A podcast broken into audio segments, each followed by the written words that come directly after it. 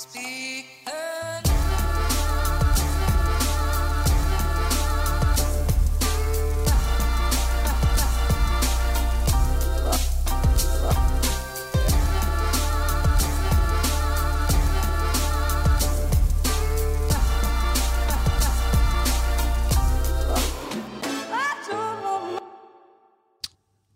dag og velkommen hit til Klagemuren. Mitt navn er Kevin Kildahl, og det er torsdag 30. mars. Klokka mi, den er 11.30, og god dag til dere alle. Velkommen hit! Går det bra? Det går, eh, det går fint med meg. Jeg har en av de her gode dagene som jeg jakta, og som, som det blir flere og flere av nede i periferien. Es, og det kommer hånd i hånd med lys. Lys og varme. Og vi har hatt vår her i Oslo. Vi hadde vår i Ja, vi hadde vel vår i fire dager. Jeg begynte å se grønner i, i blomsterbedet, og fuglene var helt i hundre, og det var liksom Det begynte å komme fram godtepapir og snus og ølbokser som har ligget under snøen siden i fjor en gang.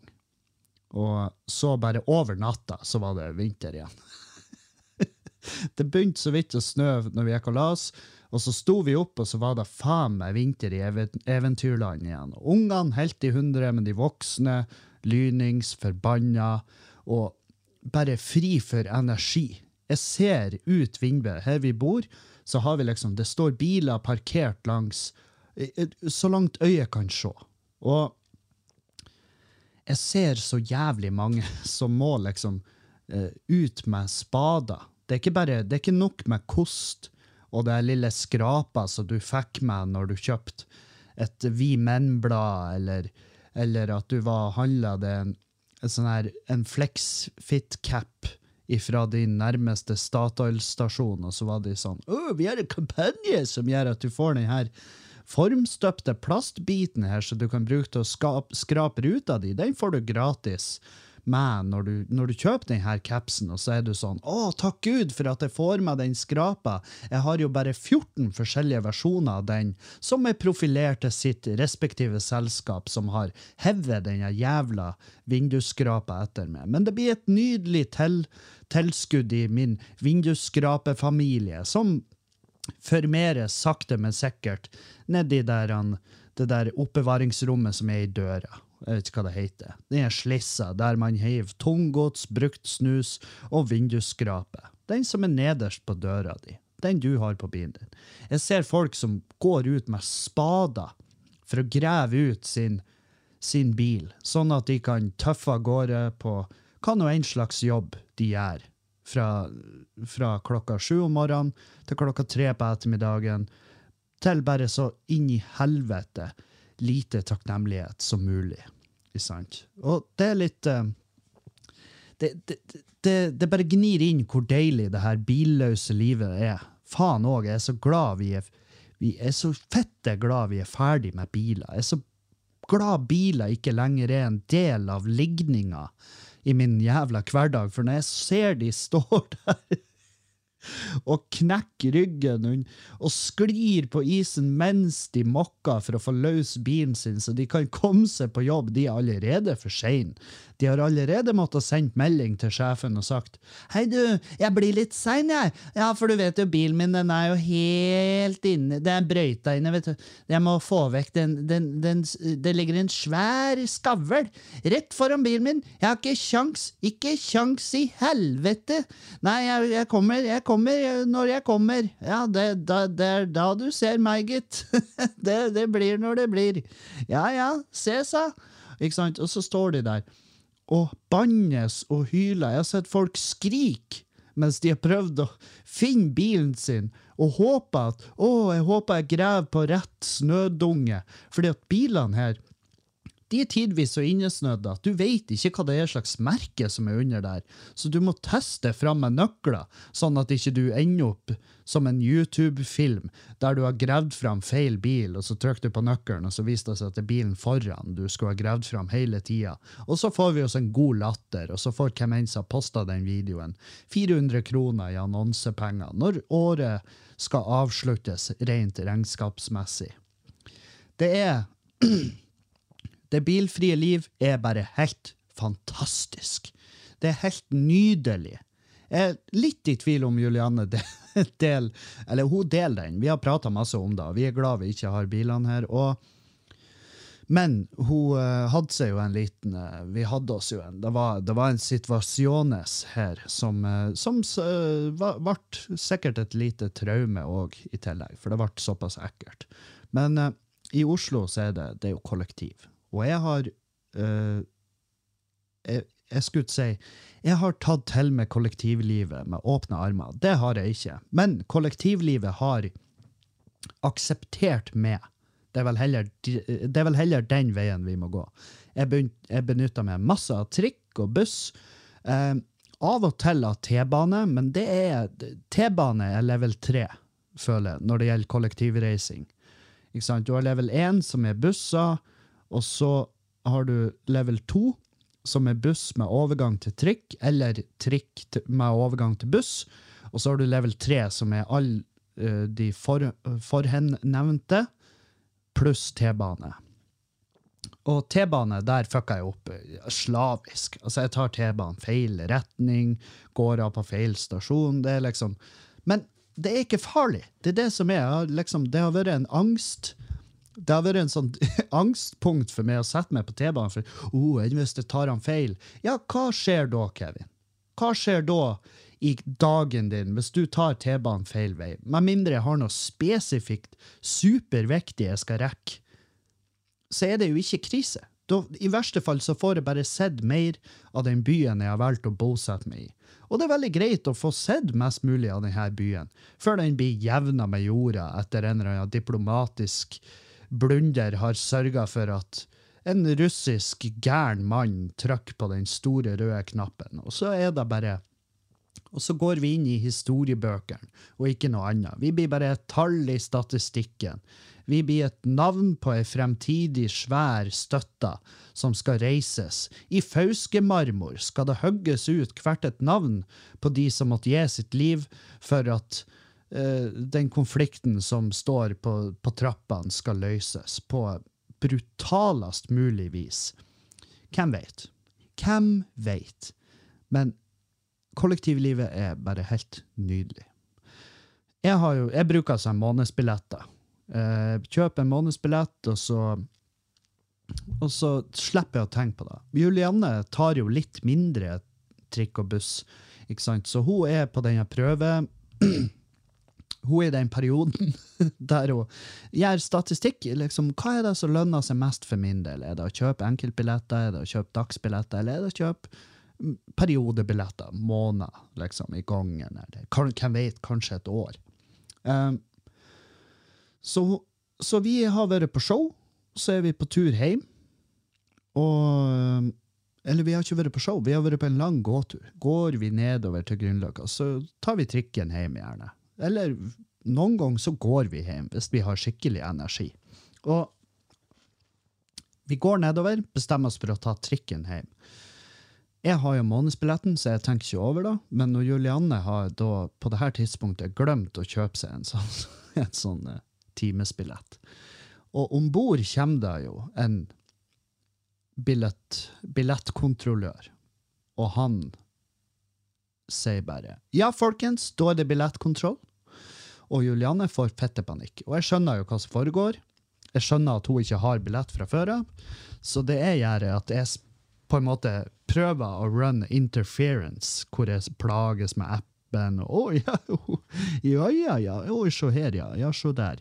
Oh, der er appen, ja. Jeg trodde jo det var den SAS-appen, sant. Jeg trodde Herregud, jeg vet da vel faen, det er forskjell. Er det Vy, er det Ruter, er det Norwegian som kjører de her trikkene? Nei, hva vet vel jeg? Jeg, jeg vet jo, jeg er jo bare en tulling, sant?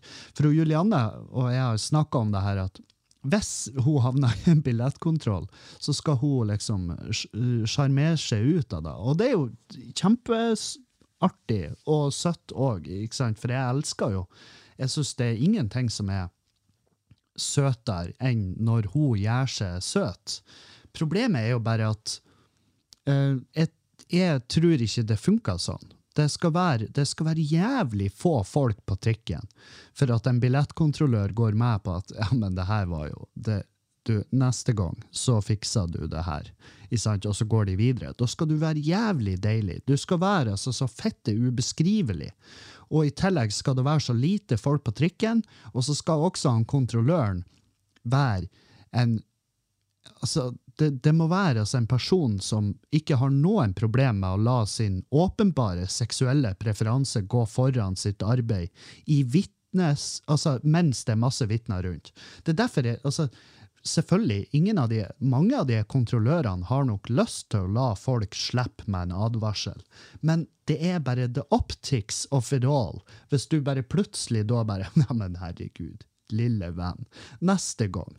Bare orden. Bare bare stol på meg fra han der kontrolløren han kom til Julianne. og hun sto snudd mot, mot veggen, og han bare Kjøpte du billett etter du kom om bord? Og hun var sånn, ja, det gjorde jeg. Og så sa han, det er ikke lov. Vil du ha faktura, eller vil du betale nå? Og det var jo 950 kroner rett ut vinduet. Og hun var sånn, jeg betaler nå. Og så dro hun kortet, og så sto hun liksom mot hjørnet. Og det, var, det ble et sånn ekkelt øyeblikk. Og det ødela resten av dagen. Men jeg, jeg var sånn Herregud, det er unektelig noe artig her. Når, fordi at hun fikk ikke, hun fikk ikke engang hun fikk ikke engang pitcha det her. Hun fikk ikke kjørt rutinen sin i det hele tatt, så det ble bare, det ble bare sabla ned. Det ble luka. Det, det var bare en spire av det som en gang skulle bli en sånn der 'Å nei, jeg klussa deg til, sorry'. Det ble, du kom aldri dit engang. Det var sånn 'Vil du ha faktura, eller vil du betale nå?' Og, og ikke sant? Og så går vi av trikken, og hun går når Julianne er sur, da går hun det, det, det er noe rart. Det er som om hun har en sånn her classy walk under seg. For føttene går i samme tempo som de vanligvis går, men bakken under henne beveger seg fortere. Så det er bare sånn at hun Jeg, jeg tror det er litt som en sånn der hamster i et sånn hjul. At det bare Det bare går fortere. Det bare går fortere, men det ser ut som at hun går i samme fart. Og hun går ifra meg så forbanna som hun er etter den trikketuren.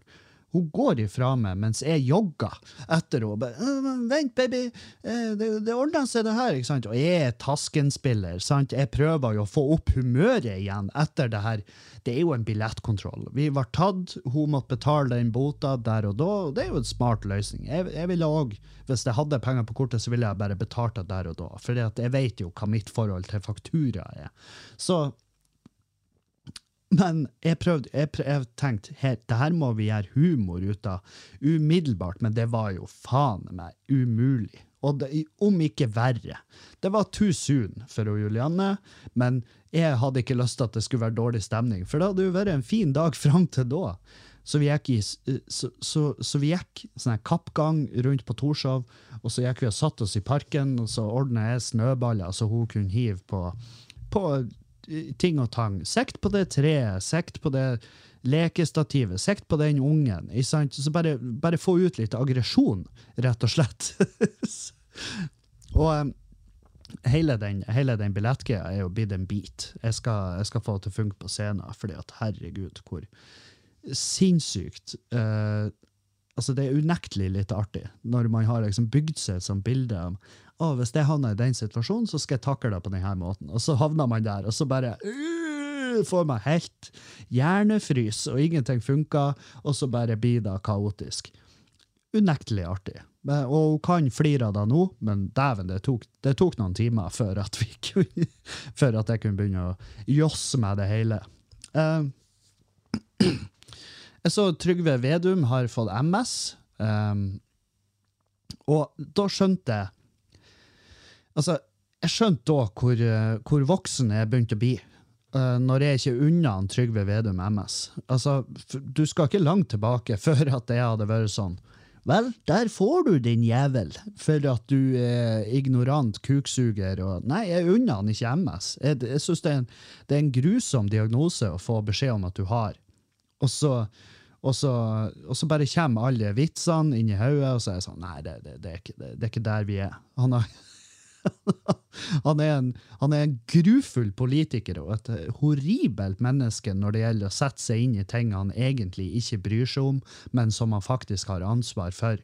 Og så, men ikke så jævlig at det er unna han MS. Sant? Så, eh, så eh, jeg ønsker han lykke til på den kampen han har foran seg. Det er det jeg tenker. Så, så voksen er jeg blitt at det er sånn Nei, men herregud, det blir, noe, det blir for gærent å unna MS. Og det blir det. Det blir for gærent.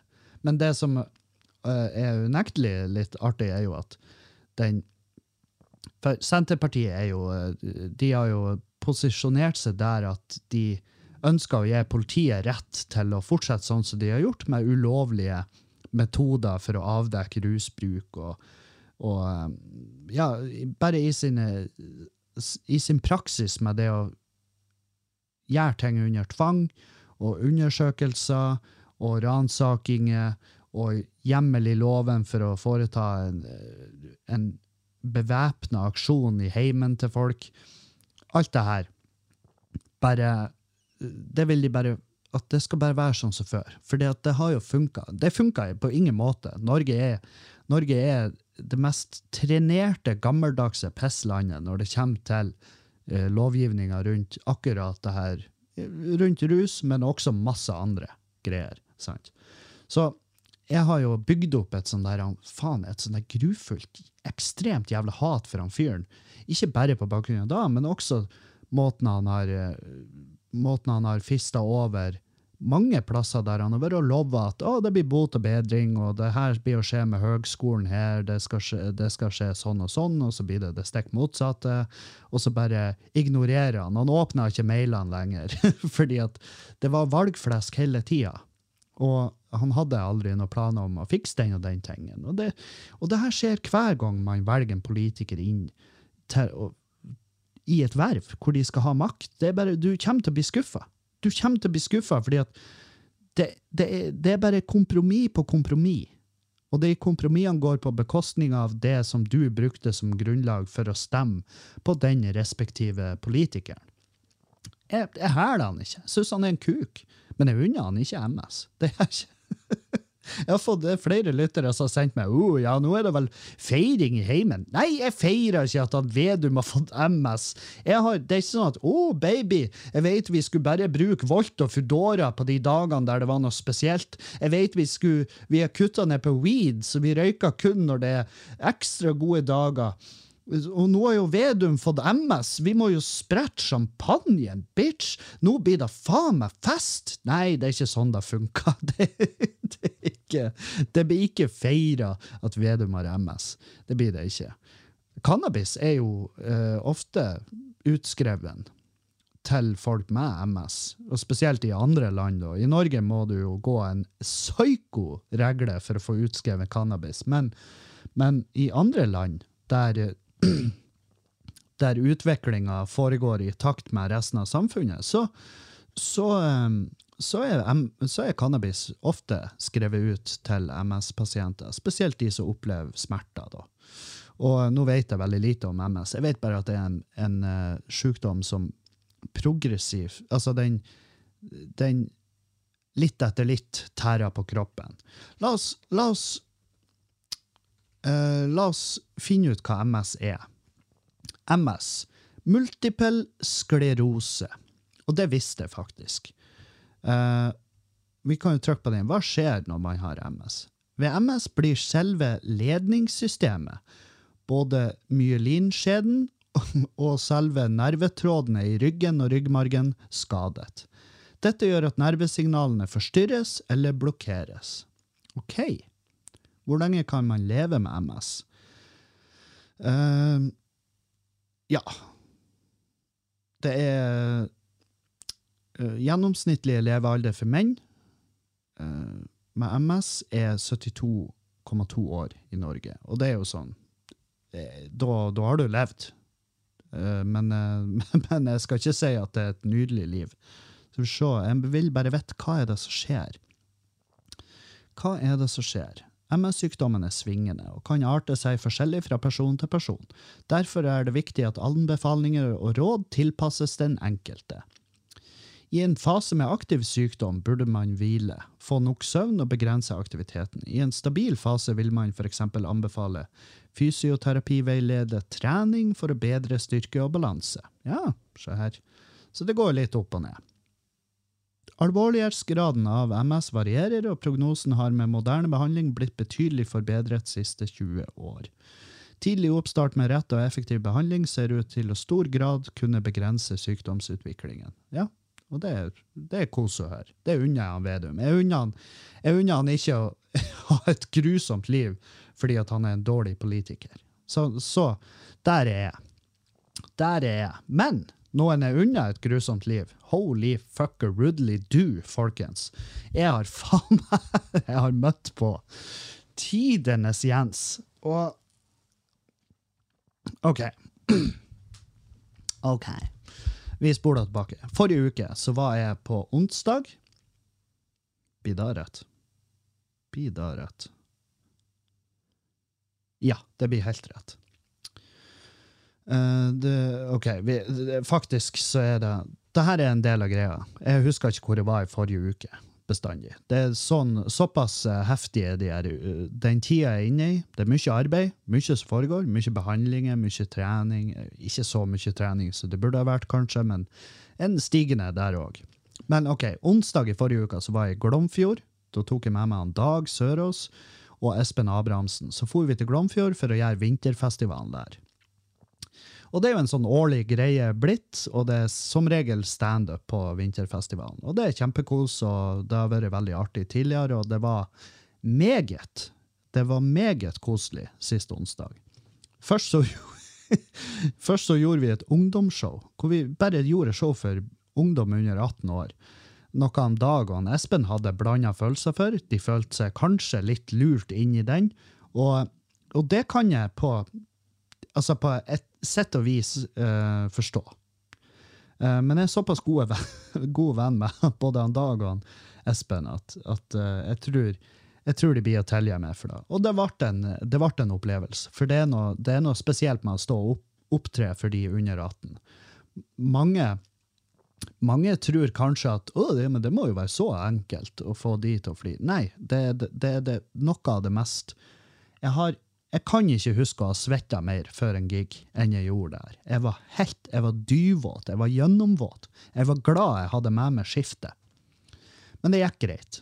Uh, etterpå så hadde vi show for de voksne borte på hotellet, og det var fette smekkfullt, det var god stemning, og det showet gikk uh, kjempebra. Det var ingenting å utsette på da.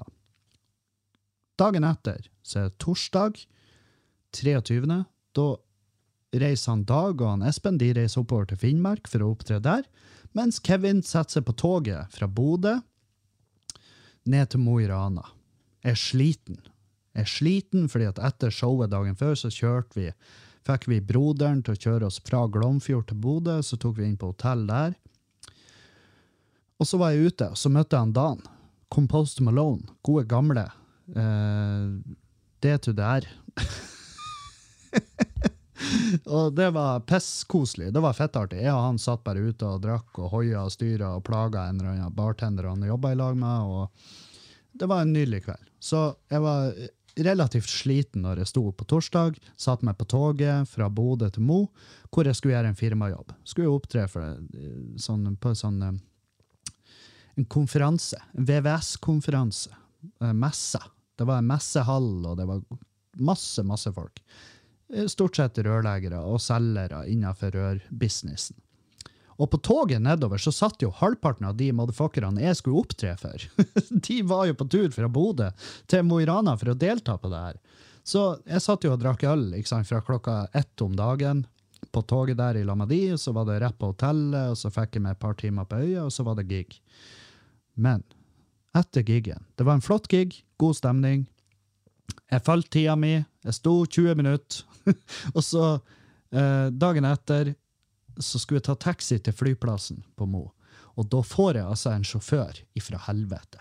Jeg får en tilsynelatende fungerende voksen, gammel mann som er liksom og lukter på Han lukta på pensjon. Og jeg tok meg sjøl i å tenke jeg lurer på hva han blir å bruke pensjonstida si på. Men jeg har svaret på det, fordi at det ga meg etter hvert. Og det her var da en fyr som eh, Vi kom inn på prat om at jeg har flytta til Oslo i med fruen. Og så spurte han meg skal, ja, skal dere ha barn. Og så sa jeg nei, vi skal ikke ha barn. Det er uaktuelt. Jeg er sterilisert. Og det blir ikke. Og da svartna det for han. Da ble han, eh, ble han Nei, hva faen, skal dere ikke ha unger? Og jeg var sånn, nei, vi skal ikke ha unger. Det er ikke for oss. Og det er faktisk, det var en av de tingene som gjorde at vi ble i lag. At vi ble enige i første date. Vi skal ikke ha barn. Og merka at å, endelig noen som har samme meninger som meg. La oss bare tie the knot, bli ferdig med det. Ikke sant? Og han var helt Han var carfuffled. Han syntes det var helt grufullt å høre. Og det jeg sier nå, er ordrett da han sa. Eh, visste du at det er bare 10 hvite mennesker igjen i verden? Det er bare 10 av oss som er hvite. Eh, så den hvite rasen er på tur å dø ut. Og dere har jo et ansvar for å hjelpe til, for å forhindre at det skjer.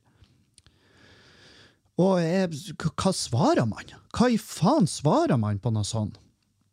Og jeg prøver å vitse det bort med at ja, men jeg, de hvite må nå bare dø ut for min jævla del. Jeg egner meg ikke i sola engang. Jeg kan ikke være ute i sola i mer enn et kvarter før jeg må skifte hud som en hummer.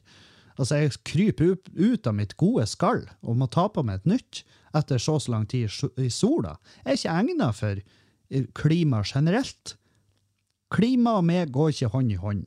Ikke bare da at jeg sliter med å være streng med meg sjøl når det gjelder kildesortering og det å begrense mitt eget karbonavtrykk på denne jorda, men også det her at huden min bare er ikke egna for å være ute i vær og vind.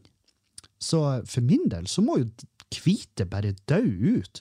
Og mine damer og herrer, det mener jeg. Det mener jeg på ekte. Altså, jeg har ing det er ingen, det er ikke et fiber i kroppen min som stresser over at Og bare for å ha da også sagt, jeg tror ikke at den hvite rasen er på tur å dø ut. Og om den var da, vel, det be, det, det driter jeg i. Helvete hvor, hvor lite da beveger meg at den hvite rasen er på tur å dø ut. Det er ikke et, det er ikke et gram i kroppen min som bryr seg. Dere som hører på podkasten fast, vet jo hva jeg syns om menneskerasen generelt. Oss som art er jo en jævla verkebyll. Vi er jo det, vi er en moderne, snakkende jævla skadedyr. Det er da vi er. Vi burde ikke være her. Og jeg gikk jo på en sånn rant til han at hva i faen er vitsen? Men han var, han var altså banna bein. Han sa på et tidspunkt det kommer til å bli behov for en væpna revolusjon for å sikre den hvite rasens overlevelse. Og da var jeg sånn, dude, seriøst, kan vi bare holde kjeft? Eller så må jeg bytte taxi. Og Nei, det var, det var fettekleint. Det var horekleint. Jeg kunne fortelle han at For det her viser han er kristen, og kristen Jeg vil ikke kalle han for en kristen. Han tror sjøl han er kristen, men, men Uh, for han uh, gikk jo løs på det her. Uh, islam er jo en verkebyll, og så var jeg sånn Jeg syns religion er en verkebyll, men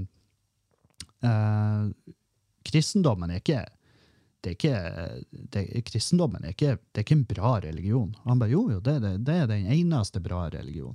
Så det er jo ingen religioner som har tatt mer liv. Det er ingen religioner det er blitt tatt mer liv under faen til enn kristendommen. Det er ingen. Det fins ikke. Og han bare Nei, det er bare tull og vas. Nei, se, det er sant. Ta og Les ei bok. Og i tillegg så klarte jeg jo å lire ut av meg det styggeste han har hørt i sitt liv. Jeg sa, men du vet, Jesus var ikke en hvit mann. Og det var det villeste han fyren har hørt. Hva i faen er det du sier? Og jeg bare, Jesus var ikke en hvit mann. Det, det, er bare rein jævla rein jævla logikk. Du veit hvor han kom ifra, hvor han vokste opp, han, ikke, han var ikke en hvit fyr. Og det, nei, det var det, det sjukeste han har hørt. Og jeg var sånn, vet du eh, jeg, jeg var For her er greia. Jeg var fanga i en bil i lag med en, en sneversynt eh, Hva jeg skal kalle det? Om det her er en eh, Altså, det her er en fyr som lever i noen vrangforestillinger. Han, han henter infoen sin fra et spesifikt sted, det hører du med en gang. Og, og det er mest sannsynlig ei gruppe på Facebook. Hvis jeg skal gjette, så er det ei gruppe, et lite nettsamfunn, der han har funnet sin ro og sin varme og sine meningsfeller. Sant? Og eh, det er bare noe jævlig med å være fanga i en taxi sammen med en sånn person, fordi at jeg hadde et fly jeg skulle rekke. Jeg tok ikke Når jeg tar flyet fra Nei, når jeg tar taxien fra Meiergården på Mo i Rana oppover til flyplassen, så har jo ikke jeg tatt meg 20 minutter ekstra i beregninga i tilfelle taxisjåføren er en blodig rasist, og jeg har lyst til å gå av taxien tidligere for å skaffe meg en ny taxi, sånn at jeg slipper å ha de 20 minuttene opp til flyplassen i et rent jævla purgatorium av mangel på kunnskap og forståelse for hvordan verden faktisk funker. Og jeg sier ikke at det er noe jævla at jeg har sett meg svarene her, men det er bare noe med at når du kjører taxi, når du er i et serviceyrke generelt, og spesielt når du er i et serviceyrke der du er fanga på veldig liten plass sammen med kunden din over lengre tid, hvor ingen av dere egentlig har noe plass å gjøre av dere, vel, da ville jeg holdt ekstremismen min til et minimum for å gjøre den turen mest behagelig for oss begge. Jeg tror ikke det var en trivelig tur for han. Jeg har sendt mail til taxiselskapet, og forhåpentligvis så tar de en prat med han, og er sånn der Jeg ser for meg at hvem nå enn som jobber på Mo Taxi med å åpne mailer der, det er sikkert samme fyren. Han har sikkert lagt den rett i søppelbøtta, for alt jeg vet. Men jeg ser bare for meg, hvis de har eh, sant, og Ragnhild på kontoret, hun kommer inn på mandag og bare Hun gruer seg. Hun gruer seg. For Ragnhild hun vet at han Tore har kjørt taxi i helga, og det bruker å komme inn mailer da.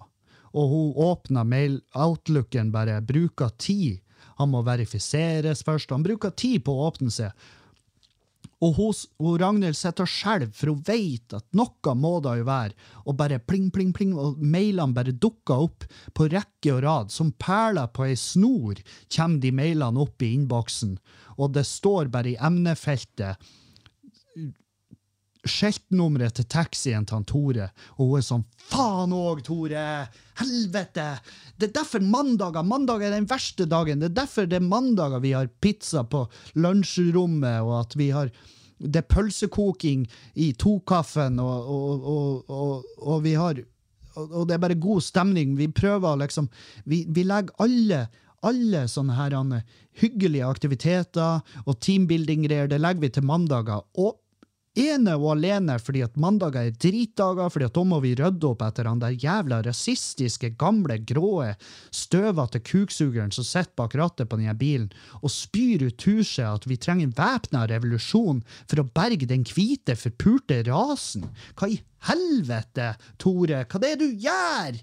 Hvorfor må du gjøre jobben min til, til et til et Sodoma og et Gomorra hver jævla mandag kan du ikke ha ei helg der du prater om fluefiske eller timeshare eller hvordan du ville ha løst klimakrisen. Nei, forresten, hold deg unna klimakrisen, for jeg kan tenke meg til at du ikke sitter inne med det som vil kalles for den gjengse forståelse for hva som foregår. Du er en kontrær jævel, det er da du er, Tore. Fuck off!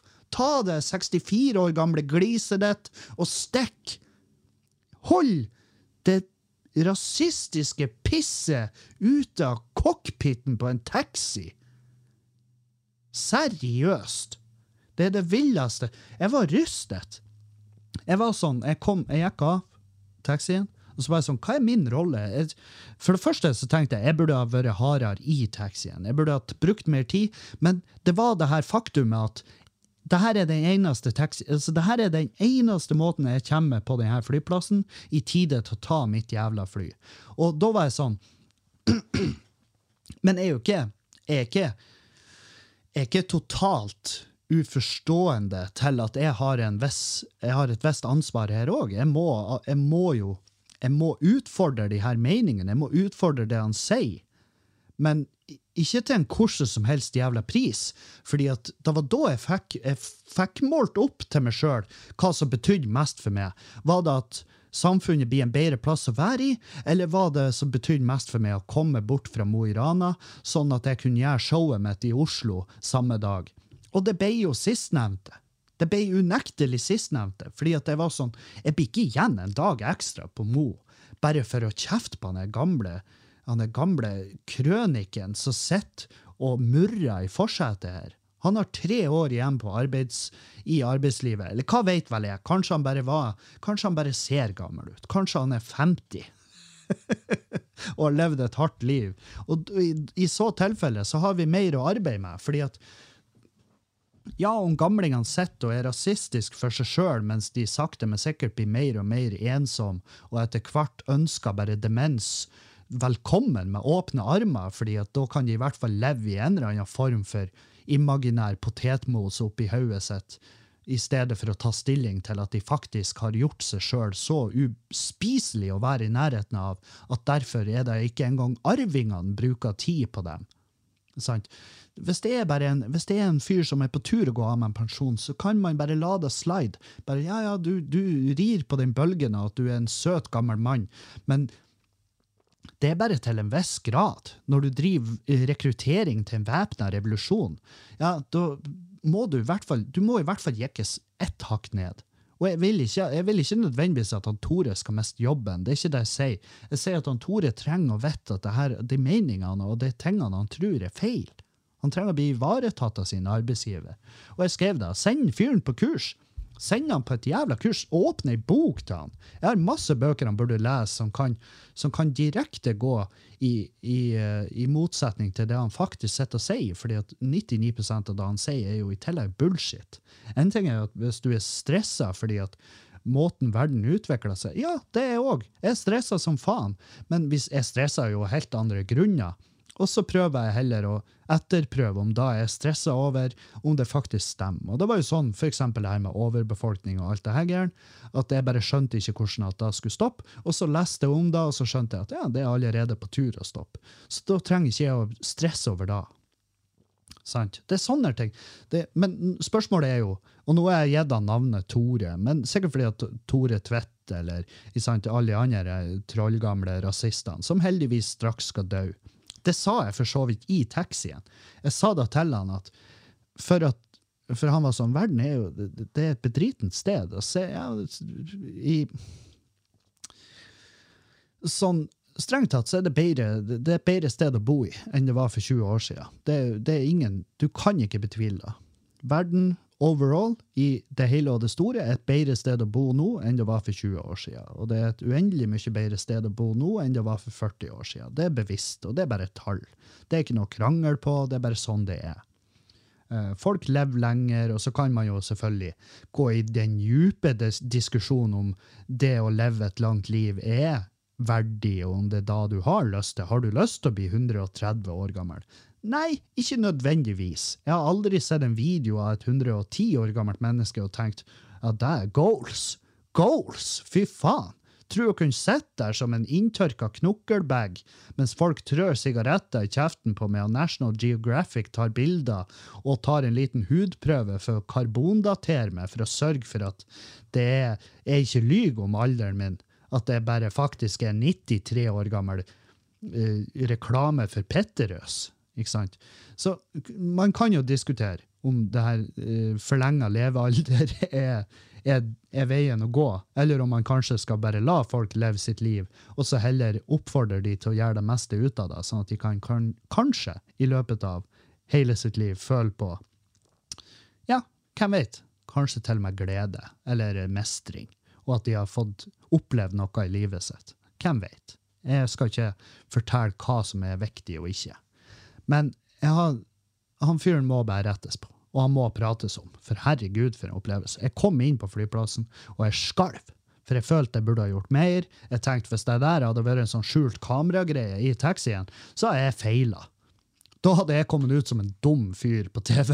Fordi at de har vært sånn 'Å, se hvor ubekvem han Kevin er', men han tar ikke så særlig tak i det. Nei, fordi at det betydde mer for meg å komme derifra. Faktisk. Og nå er ikke det noe hat mot Mo i Rana. Jeg, gleder, jeg skal tilbake til Mo i Rana. 14. april, da skal jeg til Mo i Rana. Kom på show. Det selges som faen billetter. Takk skal dere ha. Så kjøp på forhånd hvis du skal være garantert plass. Ikke kom til meg med ei lang melding om at kompisen din har MS, og, og at uh, hans, tid, i et lederverv i partiet han elsker mest, visse å være mer arbeid enn det var glede. Uh, ikke kom til med meg triste meldinger om hvorfor du burde få billetter, at jeg kan ikke trylle. Det er det som er. Jeg får masse meldinger. Masse meldinger. Hvert show som blir utsolgt, så får jeg meldinger. Og folk føler for at her må jeg legge ut ei historie om hvorfor det er jævlig viktig at kompisen min får, får en gratis billett. En billett som ikke eksisterer. Et sete som ikke er blitt laga. En stol som ikke er blitt produsert. En kvadratmeter i rommet som aldri har blitt bygd eller betalt leie for. Den må du finne fram, Kevin, fordi at kompisen min er fette treg og ikke kan kjøpe billetter sjøl. Vel, det, det beveger meg altså på et så jævla lite nivå at du aner ikke. Jeg leser meldinger, og så går jeg videre i livet mitt. Fordi at det er ikke alt jeg kan gjøre noe med. Det er ikke det. Så eh, Men ja. Jeg, jeg liker Mo, og jeg gleder meg til å komme tilbake. Jeg skal bare sørge for at jeg ikke får den taxien igjen. Det, det, er, altså, det er altså 100 sikkert. Jeg blir jo huske det taxiskiltet der. Det husker jeg. Jeg har det på SMS òg. Så jeg har ikke fått svar fra Mo Taxi. Jeg, jeg lurer på om de Det er artig hvis hele kontoret er sånn, og de bare Ja, se, her er det et snowflake som har sittet på Tore. Ja, det ble vel litt for mye for han. Ja, litt for mye Ja, det er tøff info å ta inn over seg, at det, at det er bare 10% hvite igjen. Ja, ikke sant? Jo, det er sant. Det er helt sant, faktisk. Hva vet vel jeg? Men jeg tror ikke det. Jeg tror ikke Mo Taxi er den nye eh, Nasjonal Samling. Jeg tror ikke det er der det gryr. Jeg tror ikke det er der det begynner. Eh, men det her å si at vi ikke har rasisme i Norge, vel, skyt det sjøl. Det er det dummeste jeg har hørt. Det har vi. Plenty av. Um, og så må jeg rette på meg sjøl. Sensurering av gamle bøker, filmer etc. etc. Det må jeg rette på meg sjøl. Det var arvingene til Roald Dahl som hadde gjort det her grepet, fordi at de ville tjene mer penger. Så de fista arven til han gamlefar, sånn at den kan eh, få seg et oppsving, og dermed ja, bare øke salget, sånn at etterfølgerne slipper å jobbe. Og det er jo veldig trist at man får arven sin rasert på den måten. Det er veldig trist. Og det er jo det de her eh, nåtidens store forfattere gjør. Det at de går inn og så sier de at uansett hva de gjør, blodiglene av noen etterfølgere jeg får, hvor nå enn retning mitt jævla slektstre blir å utvikle seg, og hvor røttene blir å gå fremover i tid, det driter jeg i. Dere fucka ikke med mitt. Det jeg har jobba med, og det jeg har lagt igjen av lyrisk arv, det får dere ikke røre. Uansett hva horungene mine sier. Og det er det. Det syns jeg er fett. Det syns jeg er veldig fett. OK. Hva skal vi eh, Jeg har fått spørsmål. Jeg har fått et langt spørsmål, og det føler jeg at vi skal ta. Um, OK. Vi går rett på det. Langtidslytter her ønsker egentlig anonymitet til mitt spørsmål. Jeg så deg gjøre standup i 2018 på Antikvariatet i Trondheim. Du hadde en helt egen evne til å fange rommet, og jeg syns det var helt fantastisk å se på deg.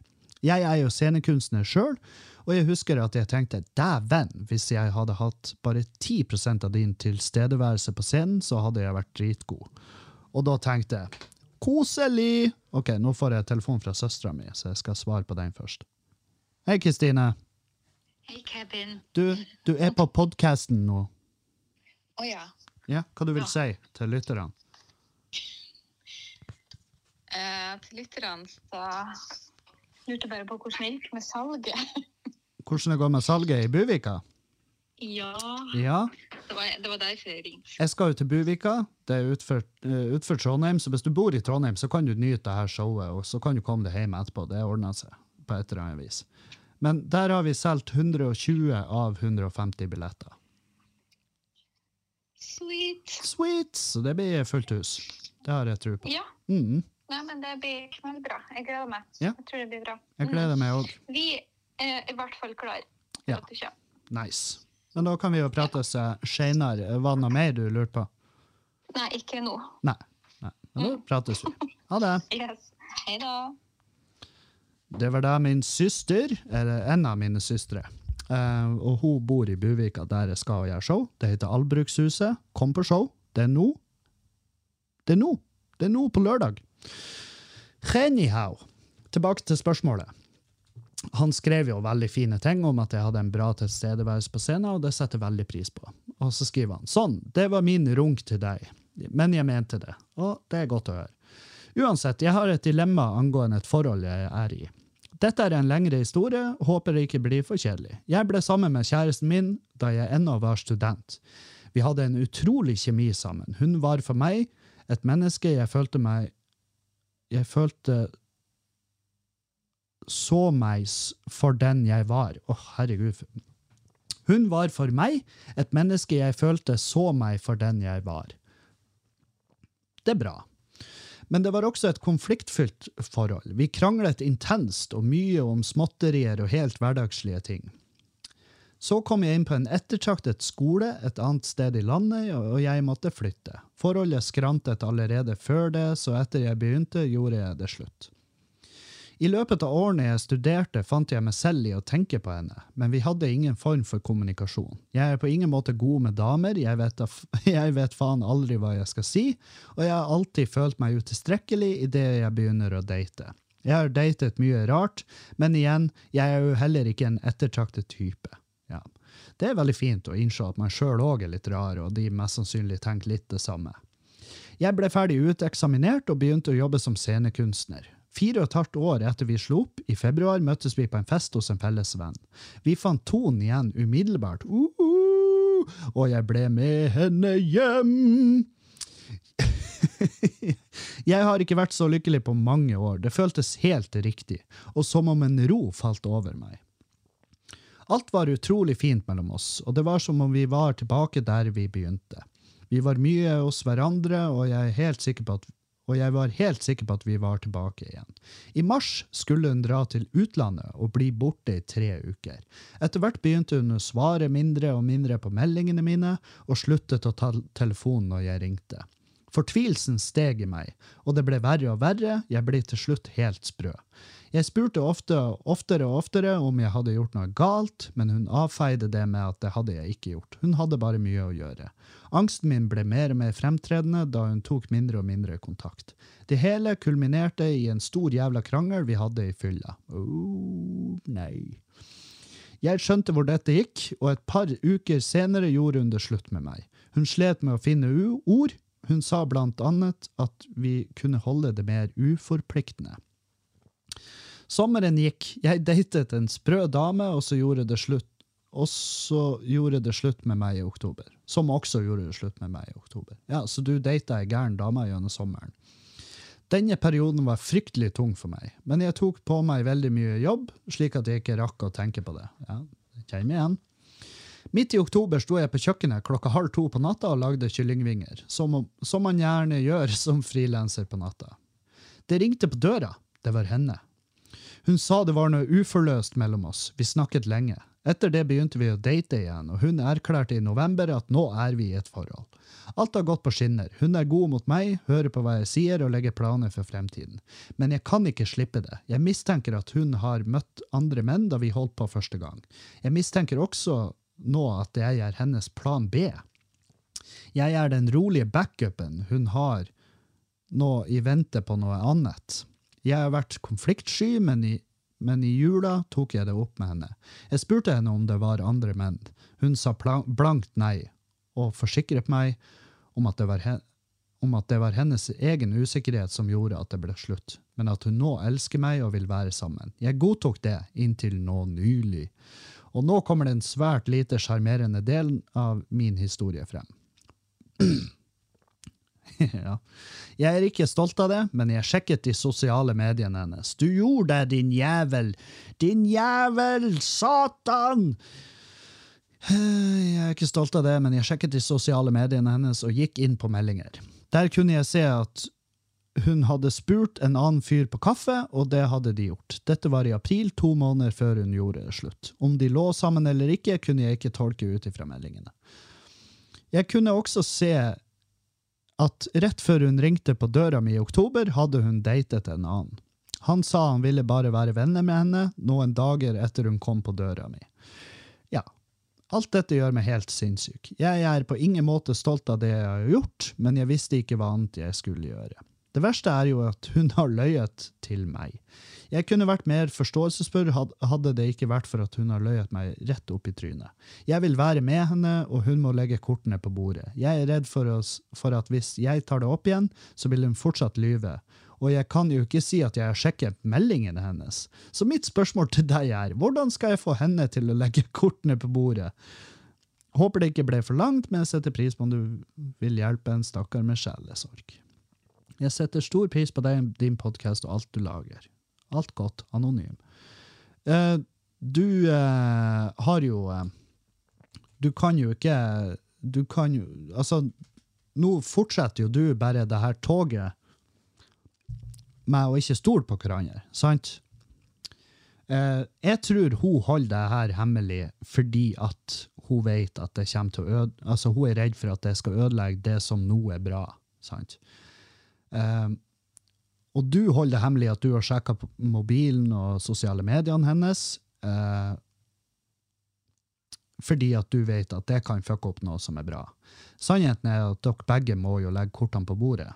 Dere må jo begge, dere må jo prates. For du vet at hun har løyet til det, men du vet det fordi at du har Du har krenka hennes privatliv. Hun har krenka din, hun har krenka din tillit. Så det, det er veldig rom for at begge dere at dere stikker fingeren i jorda og prates. Og så sier du hei, her er casen.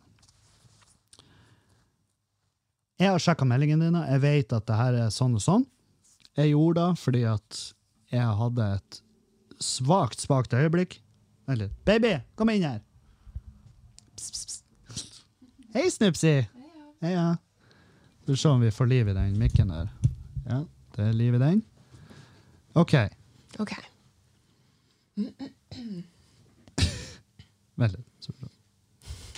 OK. Hei, Juliane. Hei, Kevin. Um, her er casen. Det er en fyr som sjekka meldingen til kjerringa si. Oi, Ja. hvorfor det? Fordi at han, uh, han merka at det var noe galt. Ja.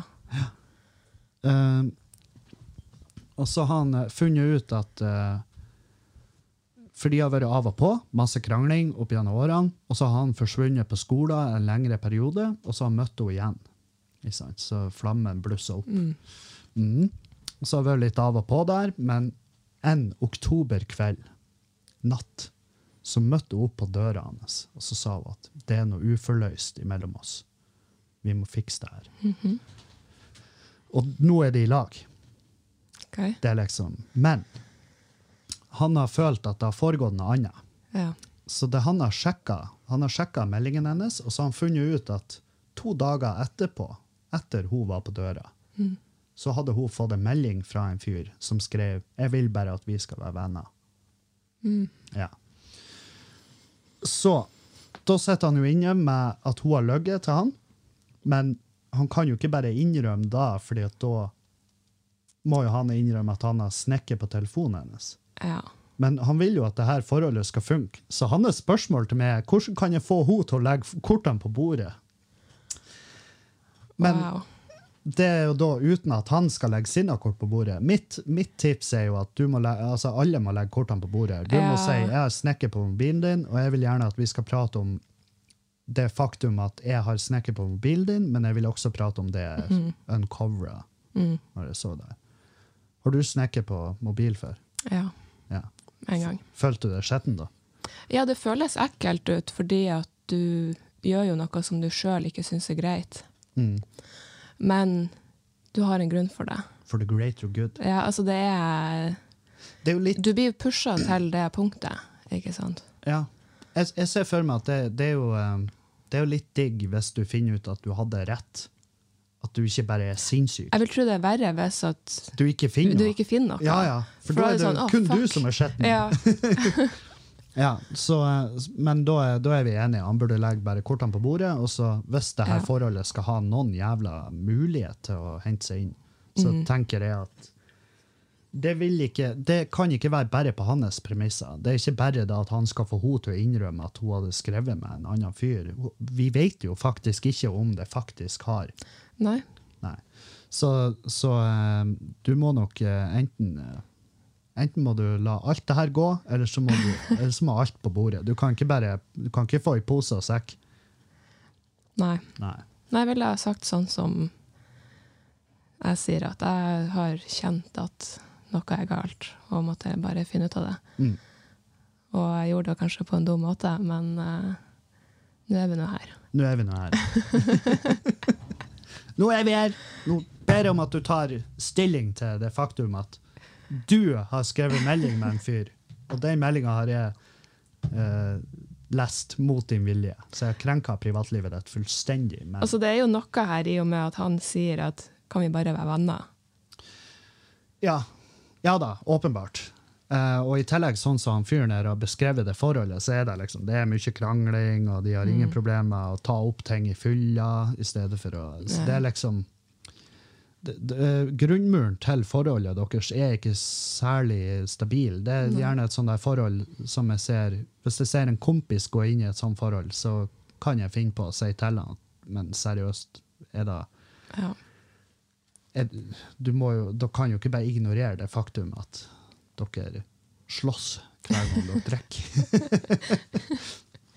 Så det er litt sånn eh, Du må, du må eh, Ting kan jo være dritbra der og da, men hvis personlighetene krasjer såpass at dere ikke kan ta ei øl i lag uten å krangle, så er det jo kanskje ikke Nei. Kanskje ikke. Men jeg heier litt på de. Jeg håper de finner Ja. ut av det, liksom. Men det vil ikke være uten For vi kjører jo Vi snakker jo om åpenhet, liksom at vi prates, og at vi har god kommunikasjon. Og det er jo det Jeg tror ikke vi hadde vært i lag uten kommunikasjonen vår. Nei. Det tror ikke jeg heller. Det er pissviktig. Ja. Nå har jeg sittet faen meg nesten en time. Jeg skal også fære og ta en kaffe uh, med, med noen. jeg trenger ikke å nevne det på podden. Um, jeg skal fortelle dere at jeg har show i morgen på Njø scene. Da er det Njø show. Det er klubbshow. Da kommer Roger Nilsen, Jonny Bayer, Christian Bastiansen, Alexander Bastiansen og moi. For en lineup. Ja, Herregud. Bekmørk lineup. det blir, det blir, det blir shitfest. Det tror jeg man vil få med seg. Ja, det, legg igjen ditt moralske kompass. Du har ikke lov å skrive kronikk etter de her showene. I tillegg så er det Buvika på lørdag, og så kan vi allerede da se på Og så er påske. Happy Det er det faen meg. Glad påsk på her. Ja, husk Ja. å handle alt du trenger på Husk, å- butikken. ja, husk å handle alt du trenger på butikken før påska. Ja. Ja. De har åpent på lørdager, og så er det stengt søndag og mandag. Mm. Og torsdag og fredag. Bra info. Mm. Den 14. april så skal jeg til Teaterkafeen på Mo i Rana, i Mo i Rana. Uh, og på lørdag uh, 15. så har jeg to show i Bodø. Ett klokka 19 og ett klokka 9 med Katarsis. Det første showet er utsolgt. Takk, Bodø. Og det andre showet, billettene begynte å ryke unna. Så vi er vel halvveis der. Det blir gøy. Det blir veldig gøy. Da takker vi for oss. Må du si ha det. Ha det bra! Eller si, si, si det på tysk. Auf Wiedersehen. Lenge siden jeg har sagt det. Veldig bra.